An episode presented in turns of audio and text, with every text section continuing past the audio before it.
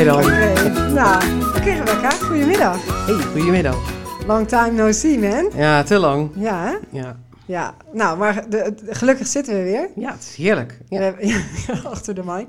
We hebben net ongeveer 20 minuten gedaan over een onderwerp uitkiezen. ja, niet omdat we niks wisten. Nee, te veel. Ja, te veel. Te veel, hè? Ja. We krijgen ook allemaal suggesties nog van mensen. Ja, ook dat. Ja. En, Ja. Sommige, en sommige dingen, want ik heb toch best wel vaak dat ik dan nadat we iets hebben gedaan, dat ik denk, oh ja, maar dat is ook Ja. nog, en, daar en daar kunnen we het ook nog over hebben. Dus eh, ja, we zijn nog niet uitgepraat. Nee, nee. Dus Rebecca kwam net eh, off the record met het idee dat we er een soort... eh, het liefst wekelijks, maar dat is nu misschien niet haalbaar... maar maandelijks terugkerend evenement van moeten maken. Dat we gewoon altijd wat kunnen pikken qua onderwerp Ja. en beetje kletsen. We gaan straks onze agenda Ja. trekken. Oké, Ja. dat hebben we al afgesproken. Maar nu zijn we eruit. Ja, We gaan het over de feedback hebben. De Ja. vaginale baring na een keizersnede. Dat is even de... en dat is een onderwerp wat dusdanig groot is dat we eh, daar misschien wel meerdere eh, podcasts over Ja. op kunnen nemen. Ja, Maar we dachten wel, wat, we, wat, wat ik leuk zou vinden, is om het in ieder geval even te hebben over wat wij hier eh, in samenwerking met het, eh, met het UMCG doen. Ja. En dat is dat vrouwen eh, die bij ons als verloskundige onderzorgd zijn en een keizersnede in de voorgeschiedenis hebben, Ja.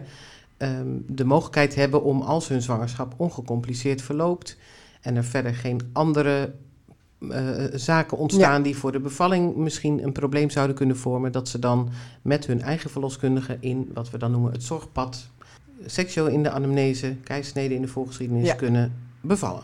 ja. en eh, we hebben dat zorgpad, ik denk een jaar of vijf, Ja, misschien al wel wat zes, langer, denk wat ik. langer ja. misschien geleden, is dat ontwikkeld hier in de regio Ja. vanuit het UMCG. Ja.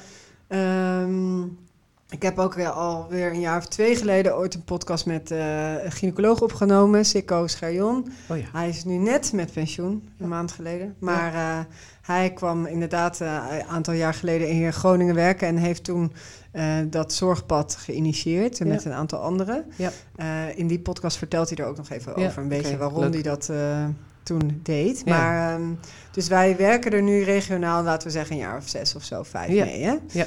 Eh, en het grote verschil eh, is dat eerder, of in de rest van het land, vrouwen die een keisnee ooit hebben gehad, eh, aan het eind van hun zwangerschap worden overgedragen aan de gynaecoloog. Hè? Dus ofwel met een week of 36 krijgen ze nog een paar controles in het ziekenhuis. En als ze dan gaan bevallen, dan bel je de verloskamers en krijg je.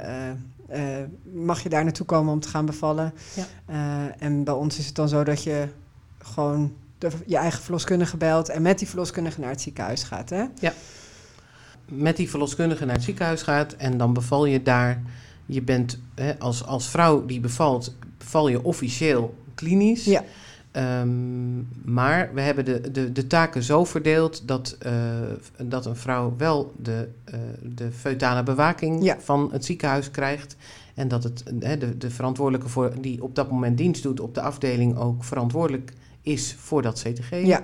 Maar dat wij, als dat CTG goed is, in principe gewoon zelfstandig als eerste lijn die bevalling begeleiden. En daarbij dus ook onze eigen eh, nou ja, hè, eh, Soort normen van, aanhouden van eh, hoe vaak toucheer je, ehm, wat, wat voor ingrepen doe je verder. ehm, eh, en en eh, ja.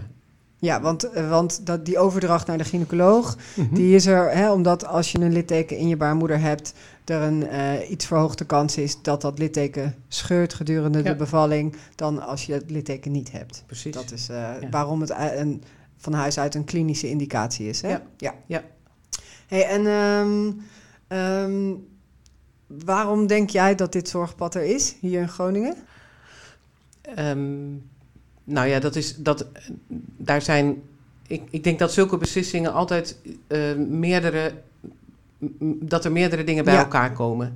En, eh, en een van de dingen die je ziet is dat het, dat het toch zo is dat er een groep vrouwen is die heel duidelijk aangeeft dat als het over hun bevalling gaat, en daar kunnen ze allerlei redenen voor hebben, dat ze het liefste met hun eigen verloskundige, die ze in de zwangerschap al hebben leren kennen, de, eh, de geboorte van hun kind willen aangaan dan eh, in een ziekenhuis. En daarbij kan je dus zien dat dat dus ook dat er ook hele duidelijke verschillen zijn. In een ziekenhuis heb je vaak is nee, niet vaak, in 100% van de gevallen, de zorgverlener die je helpt, heeft een shift van 8 uur. Ja. Eh, dat betekent dat de kans dat je meerdere zorgverleners tijdens je bevalling elkaar afwisselen, dat, dat, dat die kans groot is. Dat is op zich niet een ramp, maar het is wel een relatief nadeel waar, waar niemand wat aan kan doen. Nee. Ehm, daarbij zie je dat, ehm, dat hangt het er natuurlijk ook een beetje vanaf, dat je soms ziet dat vrouwen een keisnede, hè, dat, dat dat ze een beetje overkomen is bij de eerste. Ja. Ehm, waarbij ze dan dus ineens geconfronteerd worden met dat er een medische eh, indicatie aan hun zwangerschap wordt gegeven, waar ze zelf, waarvan ze denken van ja, weet je, ik weet niet of dit voor mij nu, daar kleeft nogal wat aan. Uiteindelijk is het Ja. toch zo dat als je medische indicatie hebt, dan heb je, dat weten we als vrouwen in de eerste lijn bevallen, hebben ze een veel lagere kans op een keisnee bijvoorbeeld. Of op een kunstverlossing, Ja. een, een, een instrumentele kunstverlossing. En dat is iets waarbij vrouwen zelf je hebt vandaag de dag natuurlijk dat vrouwen tot veel meer informatie tot hun beschikking hebben Mhm. dan 25 jaar geleden. 25 jaar geleden was het zo dat verloskundigen gewoon zeiden: Nou, dit is wat het is, we dragen je over en Ja. dan beval je in de tweede lijn. En nu zijn er vrouwen, niet allemaal, maar er zijn vrouwen die dan denken: Ja, maar wacht even, waarom dan? En dan te horen krijgen: dit, eh, dit is de reden waarom. En dan als ze dan na gaan denken: van, Maar is dat in mijn geval een waardevolle interventie? Of ehm, kan het ook anders? En die groep vrouwen, die is dus steeds harder gaan vragen om dit, Ja. deze mogelijkheid. En wat je dan dus ziet, is dat op het moment dat je dan daar in een regio geen oplossing voor hebt, dan komen die vrouwen eigenlijk altijd bij een verloskundige terecht die wel bereid is om een bevalling te begeleiden in een eerste lijnsetting. Maar dan had ze, dat was in ieder geval tien jaar geleden nog zo, Mhm. geen enkele andere optie dan dat thuis te doen. Ja. En ook weer, als een vrouw daar heel bewust voor kiest en ze is op de hoogte van de voor's en tegens van eh thuisbevallen versus klinisch bevallen, dan is dat Ja. wat het is. Maar het is eigenlijk niet zo goed als ze de keuze maakt voor thuis, omdat ze geen enkele andere optie heeft Nee. als ze met haar verloskundige wil bevallen. Nou, en op dat kruispunt is, eh, is die hele, eh, eh, het onderhandelen over dat zorgpad ontstaan. Ja. En onderhandelen met... Nou, met alle betrokkenen Ja, daarbij. Want het is natuurlijk Ja. een complexe Ja. situatie. Hè? Het is, het is een, hoewel, hoewel ik denk dat we, hè, we zijn, als we nou ergens de afgelopen 10, 12 jaar dag in dag uit mee bezig zijn als verloskundigen in de eerste lijn, is het met de samenwerking. Mhm. Eh, omdat de focus gigantisch op die integrale zorg is komen te liggen. En dat is een groot goed. Maar tegelijkertijd zie je dus dat op het moment dat je het concreet gaat maken en je gaat een, een soort van een, een standaard mogelijkheid maken van nou, hè, dit is een bepaalde vorm van zorg op maat leveren Ja. die je met elkaar organiseert, dan zie je dat het niet alleen de verloskundige is die daarbij eh, betrokken is, maar natuurlijk ook de gynaecoloog, de artsassistent, de verpleegkundige, Ja. ehm, de kinderartsen ook nog een beetje vanaf de zijlijn. En dat je dus ziet dat, de- dat voordat je dan alle neuzen dezelfde kant op hebt, dat uh, moet er wel wat eh, water eh, Bij de wijn. door of, de eh, zee. Door de zee. ja. En bij de wijn water. Ja. ja. Iets met water, ja.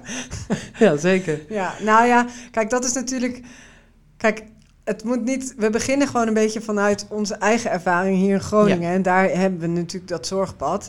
Ehm, en het moet niet, de- deze aflevering moet niet daar een soort eh reclamespotje voor worden. Nee. Ehm, terwijl wij wel, eh, om even bij, bij mijn eigen praktijkvoering te blijven, ik heel blij ben met dat zorgpad. Hè? Ja. En met mij ook een hoop cliënten. ja. Ehm, en, en ook collega's. Ja. maar het heeft natuurlijk ook wel, het heeft ook wat voeten in de aarde gehad. Dat is waarom ik net Ja. eh, doorging op dat onderhandelen wat jij, waar Ja. je over begon. Eh, en dat is natuurlijk nog steeds wel zo, hè? Dat, we, Mhm. dat, dat het altijd. Het klinkt natuurlijk als een, nou, nou, dan besteden we dat even uit, het begeleiden even uit aan de eerste lijns verloskundigen. Maar dat zorgpad is natuurlijk wel, hangt wel aan elkaar van eh, soms best wel gedetailleerde afspraken die we met Zeker. elkaar hebben gemaakt om Zeker. te zorgen dat iedere betrokkene z- zich comfortabel of veilig genoeg voelt om met dat zorgpad te werken. Juist Ja. omdat het zo op zichzelf staat. Ja. En, en daarbij zie je dus ook dat, ehm, dat er dus ook. Het, het, zal, het zal voorlopig ook nog wel eventjes in, in een bepaald opzicht spannend blijven. Ja. Omdat je toch ziet dat we met elkaar werken in een context waarbij als, als je dingen anders doet dan hoe je, eh, wat we dan de praktijk of de beroepsnormen Mhm. eh, noemen, dan, eh, dan, dan zie je, en dat is op, op zich ook heel goed, dat dat onder een vergrootglas ligt. Ja. Van is dat dan niet gevaarlijk? Is dat niet onverantwoordelijk? Ja. Kunnen verloskundigen die verantwoordelijkheid wel aan, bijvoorbeeld? Hè? Van, dat is een Ja. van de dingen die in, die in het begin zeker een enorm thema waren, was... Kom ik dan als verloskundige wel op tijd in het ziekenhuis? Want als een vrouw rechtstreeks met de afdeling belt op Ja. het moment dat ze weeën maakt, en, eh, hè, en dan, dan, dan eh, wordt er toch aan vrouwen met een keizersnee in de volgeschiedenis gezegd: bel laagdrempelig. Ja. En dan zullen we ook geneigd zijn om je al in een vroeg stadium al hierheen te halen, zodat we Ja. de bewaking met een CTG kunnen doen. Ja. Ehm, In het Terwijl- zorgpad kunnen wij, eh, ga- gaan we, hè, we hebben afgesproken dat we ze eerst thuis beoordelen. en hebben wij dus de controle. Ja. En dat is natuurlijk En wel. maar dat kost ook tijd, hè? want Ja. je gaat eerst naar ze toe Dat en kost dan tijd. ga je op pad. Maar ja, wie weet heb je ook wel verloskundigen erbij zitten die op het moment dat een vrouw zegt, nou ik zit hier nog wel even goed, denk, en dat goed vinden bijvoorbeeld. En dat is iets waarbij je dus ziet van, het, het stelt dus in een bepaald opzicht het heel erg op scherp dat je wel elkaar moet vertrouwen in dat soort zaken. Ja. Ehm, en ik bedoel dan niet vertrouwen op de manier van dat je elkaar wantrouwt, maar wel dat je, dat je zegt van nou dat is een vorm van beoordelen, dat kan een verloskundige ook. Ja. Weliswaar op een andere manier en dat kan je in een veilig kader doen.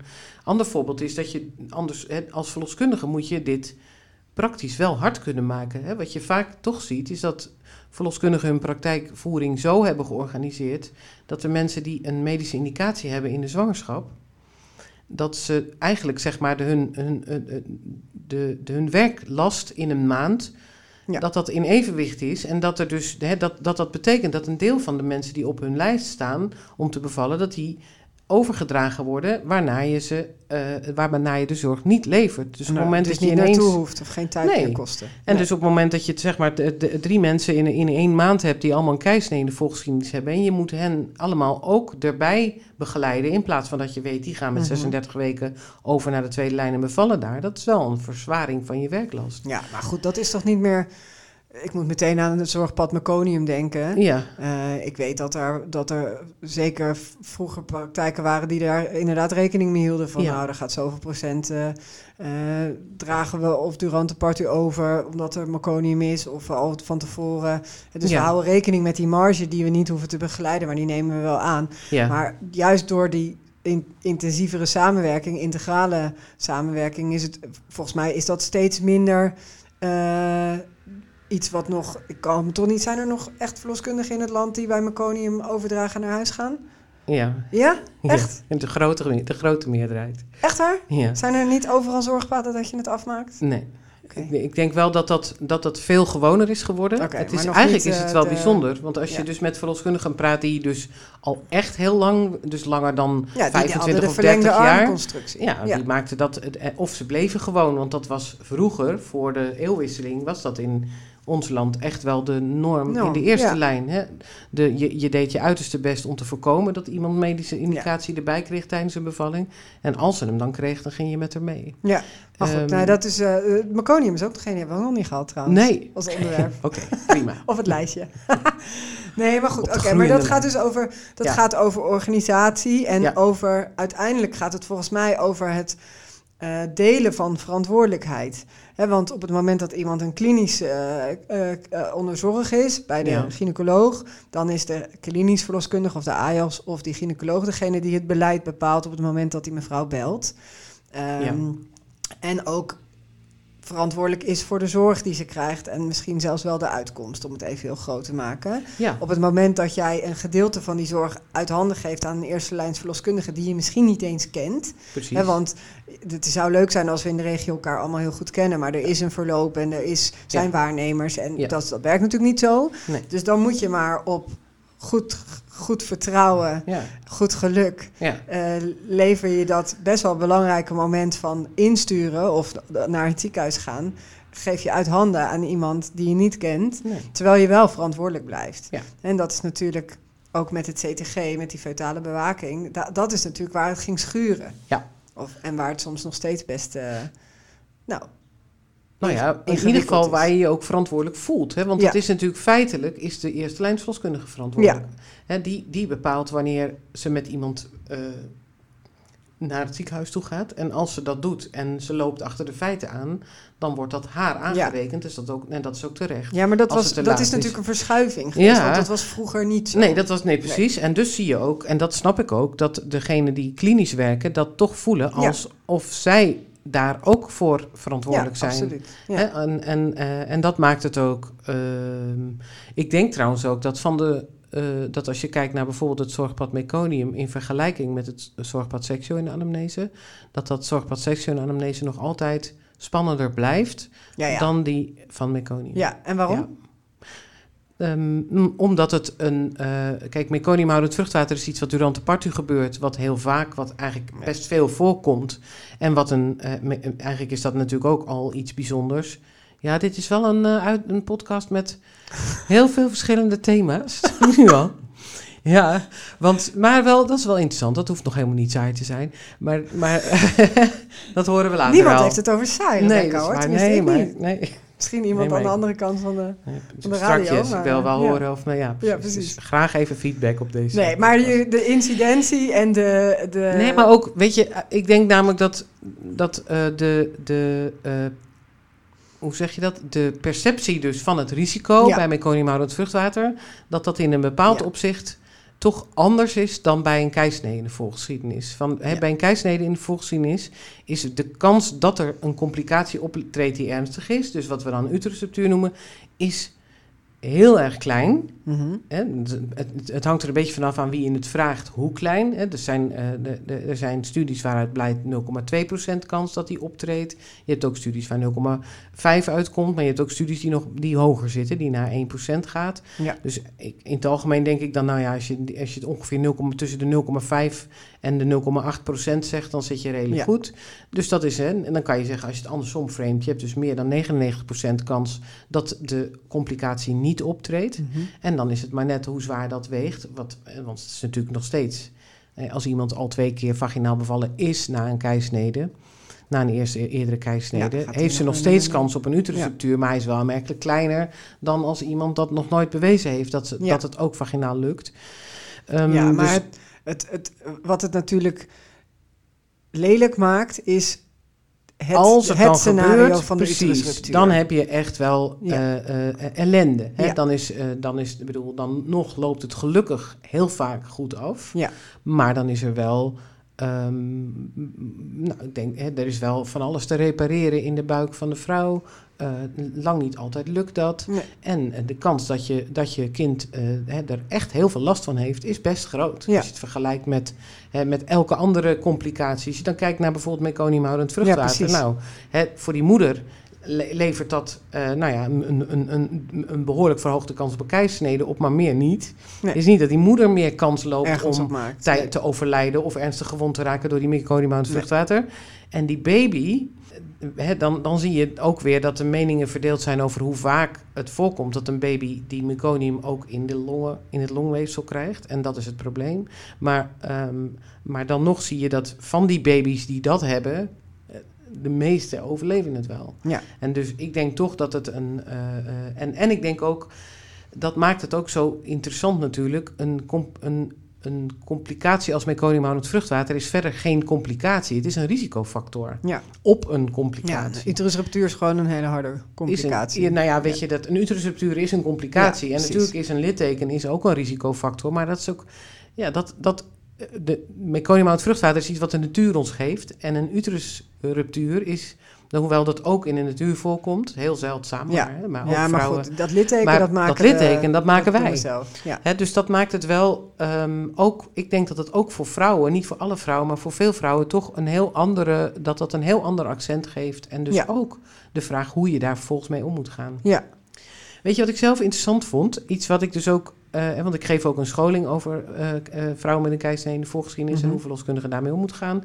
Maar in het kader van dat zorgpad, want dat waren we nu een beetje vanaf, maar Ja. dat geeft niet. Komen zo terug. Ja, is dat ik dus, ik heb een, een collega die sinds anderhalf jaar, een dik een jaar in Duitsland praktiseert. Mhm. En die is geëmigreerd naar Duitsland.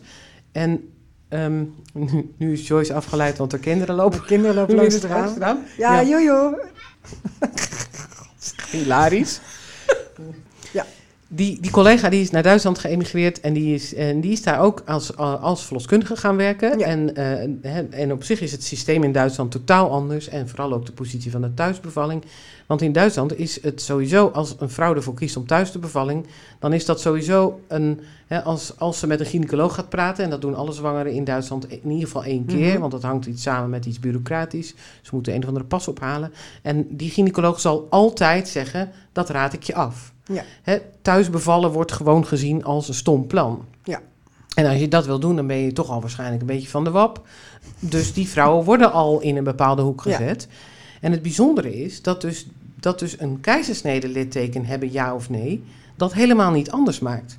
Dus een van de eerste dingen waar zij mee moest dealen is, en dat is dus de, de, het, zeg maar het, het, eh, de vissenkom waarin je wordt opgeleid Mhm. in Nederland, leer je vanaf de eerste dag op je opleiding mensen met een keizersnede eh, in hun voorgeschiedenis hebben als hebben de medische indicaties. Dat Ja. is in de verloskundige indicatielijst C.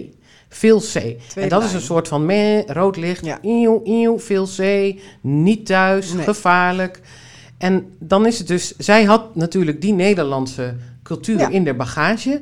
Dus toen moest ze ineens dealen met dat dat dus in Duitsland helemaal niet geldt. Als iemand met een keisnede in de ge- voorgeschiedenis thuis wil bevallen, nou, dan is dat haar keus. Ze vinden het namelijk sowieso dat Ja. thuis bevallen een slecht plan. Ja, En dat keisnede litteken, dat is helemaal niet, is the least of their worries. ja ze was toch al opzicht. gek, want ze wilde al thuis. Ja. En dat is dus, hè, en ook als je kijkt naar onze westenburen, Groot-Brittannië, Ja. daar is ook weliswaar krijgen vrouwen met een keizersnede littekens wel degelijk andere informatie, meer informatie. Ze worden eh, natuurlijk eh, goed gecounseld over Mhm. de, want je moet natuurlijk wel weten dat het een, Ja. A, een toegevoegd risico is. Maar vervolgens, als die vrouwen daar een keus voor maken, dan wordt dat, dan wordt dat gefaciliteerd. Ja. En in Nederland gaan we daar dus heel anders mee om. Wij hebben gewoon cultureel in de eerste lijn een heel ander soort van... oeh, mensen met een keizersnede litteken is een no-go. Ja. En dat is wel... En dat is voor Ja, dat mijzelf ook... Weet je, ik heb dus in die voorgaande jaren... voordat we een zorgpad hadden... heb ik vrij veel vrouwen begeleid... die dus eh, kozen voor een bevalling... thuisbevalling Mhm. met een keizersnede voorzienis. En even heel kort door de bocht...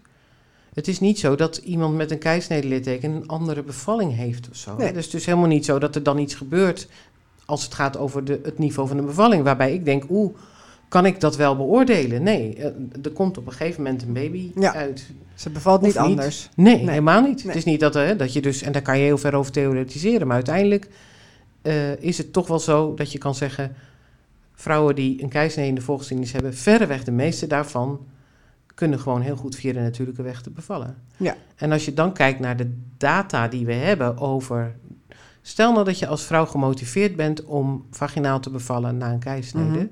Dan is er best veel data uit het buitenland waaruit blijkt dat als je dat met een verloskundige doet, dat de kans dat het lukt veel groter is dan als je dat klinisch doet. En dat is iets wat vrouwen ook gewoon weten. Dat is data die beschikbaar is. Waarvan Ja. je kan zeggen, ja, wil je nou maximaal de kans maken dat, je, dat het lukt...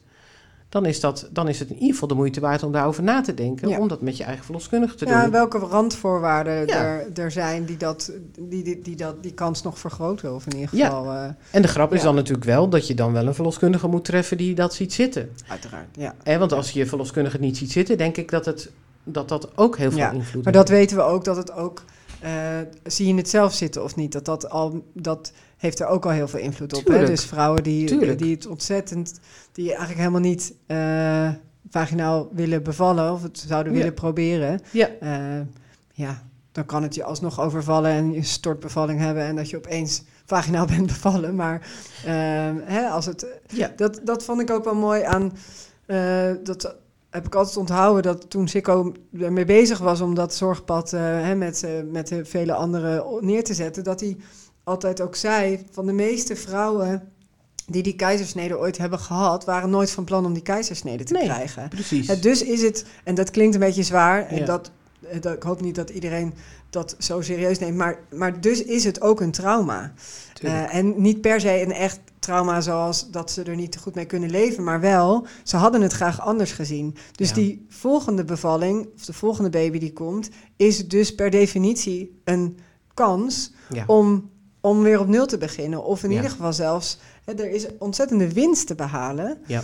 Ehm, en we hebben, doen gewoon best wel heel veel keisneden in Nederland natuurlijk. Hè? Dus er zijn ook heel heel veel mensen die daarna weer een baby krijgen. Ja. Eh, en dan voor de keuze staan, wat ga ik nu doen? Nou ja, zelfs zo dat, dat er dus ook, ehm, en dat is ook terecht, dat er dus ook eh, zorgen over zijn van de beste manier om te, om, eh, te voorkomen dat, je, dat een vrouw een uterusstructuur Ja. krijgt, is te voorkomen dat ze een litteken heeft. Ja. En dus is de, hè, dat, en ik weet dat Sico daar trouwens ook heel erg mee bezig was. Ja. Hè, je hebt een groep vrouwen in Nederland die we dan, dat heet dan in eh, literatuurtermen de NTSV-vrouwen.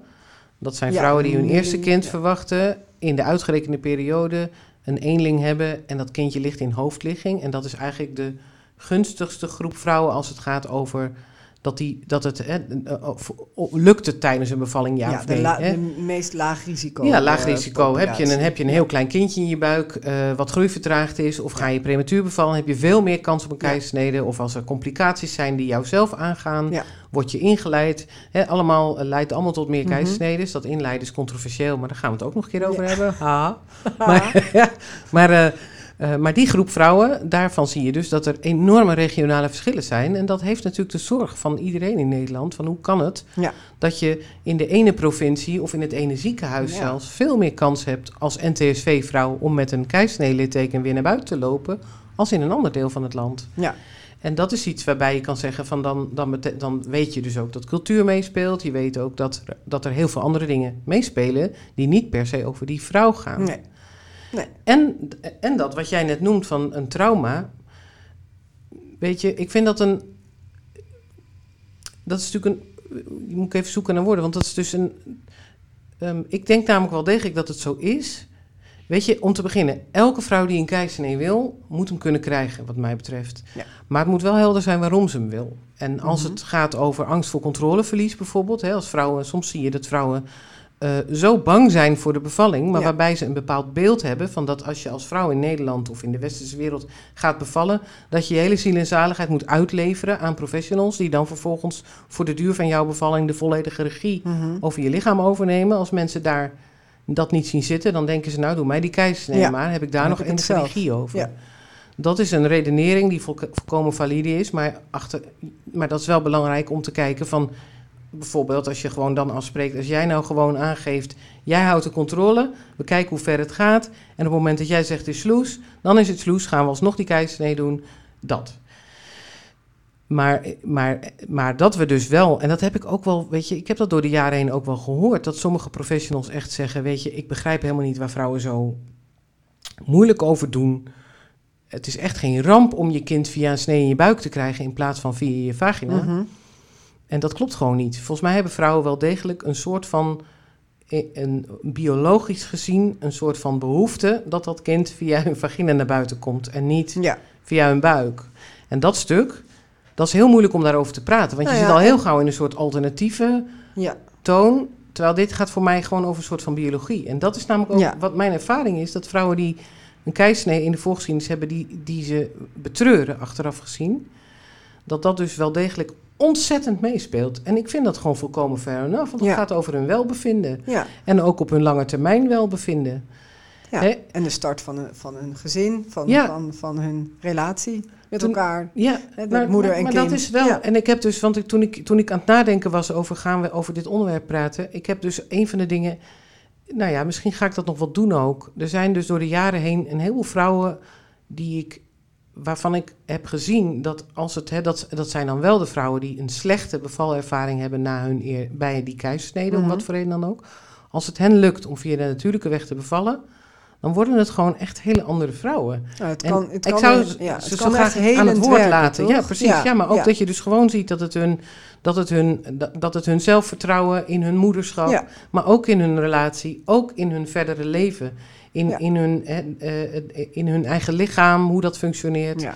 Dat dat, en dat doet iets met mensen. Ja. Dus het is gewoon, dit gaat over hele belangrijke. Ja, en dit gaat wel echt over de mensen die dat dus zelf graag willen. Hè? Dus de, de mensen die eh, een keizersnede hebben gekregen en daarna nog een keer een keizersnede en daarna misschien nog een hè, eh, primair gekozen en daar, en daar verder helemaal vrede mee hebben en dat prima vinden. Dat is natuurlijk, die zijn er namelijk ook. En Ja. dat is ook, het hangt natuurlijk ook zo af van dat verhaal waarom je die eerste keizersnede kreeg en hoe dat ging. Ja. En, ehm, en want ja, laten we wel, wel zijn. Het is ook heel fijn dat die bestaat. Dus dat is ook Ontzettend. het is het, maar het gaat ons, en die komen we dus in de praktijk toch best wel veel tegen. Hè, Ja. Om de vrouwen die het heel erg jammer vinden, die het Ja. betreuren dat ze de, de eerste Ja. keer die keisnede hebben gehad, om welke reden dan ook. En eh, dat als ze de mogelijkheid krijgen om het nog een keer te proberen, om het even zo te zeggen, namelijk vaginaal bevallen, Ja. dat graag willen. Ja. En dat is denk ik ook waarom we vanuit, eh, want we hebben hier in de eerste lijn in Groningen toen ook eh, dat zorgpad. Goed, ja, waar iedereen was blij om hem eh, te zien komen. En eh, iedereen is ook blij om ermee te werken. Omdat, Ja. Ik denk ook omdat dat hetgene is wat we dus voor ogen houden en wat, waar we zo blij mee zijn. Namelijk de winst die er is nadat die mevrouw Ja. vaginaal is bevallen. Ja. Met ons en desnoods met de AIOS en de, de hele rattenplan erbij. Dat maakt niet eens zo heel veel uit. Nee. Eh, maar wel dat het op de manier kan waarop die mevrouw eh, er het meeste zin in kreeg en het meest Ja. vertrouwen in kreeg. Ja. En het, het is ook, je moet het ook maar durven of zo, hè? Het is, Ja. het is ook lef. Dat ter- terwijl je de eerste keer op een OK eh, eindigde, Precies. nu zegt: eh, ik ga toch nog een keer Ja. ervoor. Zeker. Dus Zeker. dat, dat moet je ook dan Zeker. faciliteren als vrouwen dat graag willen. Nou ja, en ik vind dat dus zelf, ehm, ik vind het een enorme verrijking dat je het mensen kunt aanbieden. Ja. En dat je dus, ehm, eh, het, het, uiteindelijk is het voor mij, het vergroot het palet waar vrouwen uit kunnen kiezen. En dat vind ik waardevol. Het is helemaal niet dat wij vrouwen pushen van let op, je kan ook met ons bevallen in het zorgpad. Nee. Moet je lekker doen. Nee, eh, dat je dus inderdaad zegt van dit is het. Gebruikelijk is volgens de landelijke richtlijnen dat je een medische indicatie hebt. En wij hebben hier nog een extra optie. En dat is, en dat is volgens mij ook hoe alle verloskundigen Ja. hier dat ook doen. Je biedt het een vrouw aan. Je benoemt dat de optie er is. Ja. En dan kan ze erover nadenken of ze daarvan gebruik wil maken. En dan zie ik dus wel in de praktijk dat er heel veel vrouwen daar absoluut Ja. gebruik van maken. Ze pakken Ja. met beide handen aan. Ja, en ook de vrouwen die, die anders geruisloos over waren gegaan naar de gynaecoloog Ja, hè, met natuurlijk. 36 weken. Dus het is niet zo dat dat alleen maar de vrouwen zijn die anders eh, ergens thuis waren gebleven. Maar Nee. gewoon heel veel vrouwen. Ja, Want ze kennen hun voetvrouw nu eenmaal ja, iets beter dan die dokter. ja. Toch? Nou ja, en dat is dus ook, weet je, ja, en dan kan je dus ook weer zeggen als verloskundige, want dat heb ik ook wel gehoord hoor, dat verloskundigen zeggen, ja, maar weet je, dat is het nou juist precies. Acht van de tien vrouwen, eh, als we ze vertellen dat ze een medische indicatie hebben en dat ze dus worden overgedragen vanaf 36 weken, stellen daar geen vragen bij. Dat wil ik graag zo houden. Ja, als dat inderdaad, als dat jouw definitie van mooie verloskunde is, dan is het helemaal niks voor jou om met een zorgpad te gaan werken. Maar Nee. ik vind dat zelf. Ik bedoel, no offense, hè, maar ik vind dat zelf. eh, ehm, nou, en dat is dus ook wel. Dat, dat ligt dus in het verlengde van dit thema.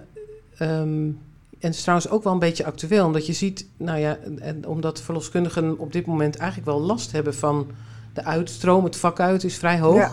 Hè, hoe hou je die mensen nou, eh, hoe hou je verloskundigen nou binnen? Wat ik, want je, En gezond. En gezond en blij. Dat ze het leuk hebben. Ja.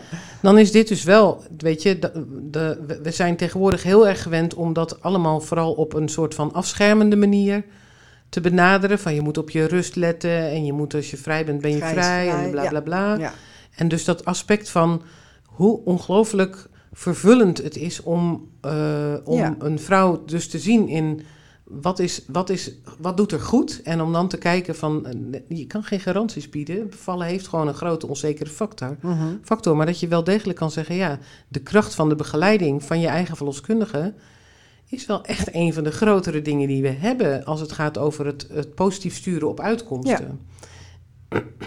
In, da- in dat licht bezien snijdt het mes volgens mij echt keihard aan twee kanten. Die vrouw wint er iets mee, Ja. maar ik ook als verloskundige, want iedereen die echt, waarbij ik denk, oké, nou is er echt iets goeds gebeurd. Ja, Ja. dat, eh, dat vervult mij met tevredenheid over mijn werk in plaats van met Ja. frustratie. Ja. Ja, dus... ehm, of Toch reclame. Toch Oh, nou, ik zat net te denken, is het nou reclame voor het zorgpad of is het reclame Nou, voor de verloskundige? ja. Eh, nou ja, misschien alle twee wel. ja, misschien wel. Ja. Nou ja, oh, en re- reclame voor... Daar zou ik eigenlijk wel mee willen afsluiten. Reclame Ja. voor keus. reclame Hè? voor keus. Dat, er, dat je... en wat mij betreft hebt. is ook echt reclame voor ehm, vraaggestuurde zorg. Dat je dus Ja. inderdaad inventariseert, ook landelijk. Wat zijn nou...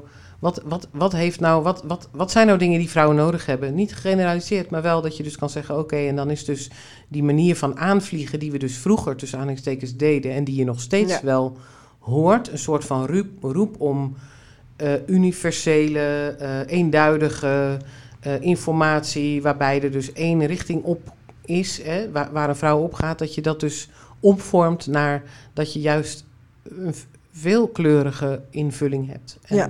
en waarbij dus ook, ja, ik vind het een hele mooie manier van integrale zorg vormgeven. Dat je dus zegt, je haalt het beste van de eerste Ja. lijn en het beste van de tweede lijn bij elkaar. Ja. En dat moet je niet romantiseren. We hebben echt wel wat gesteggel. Ja.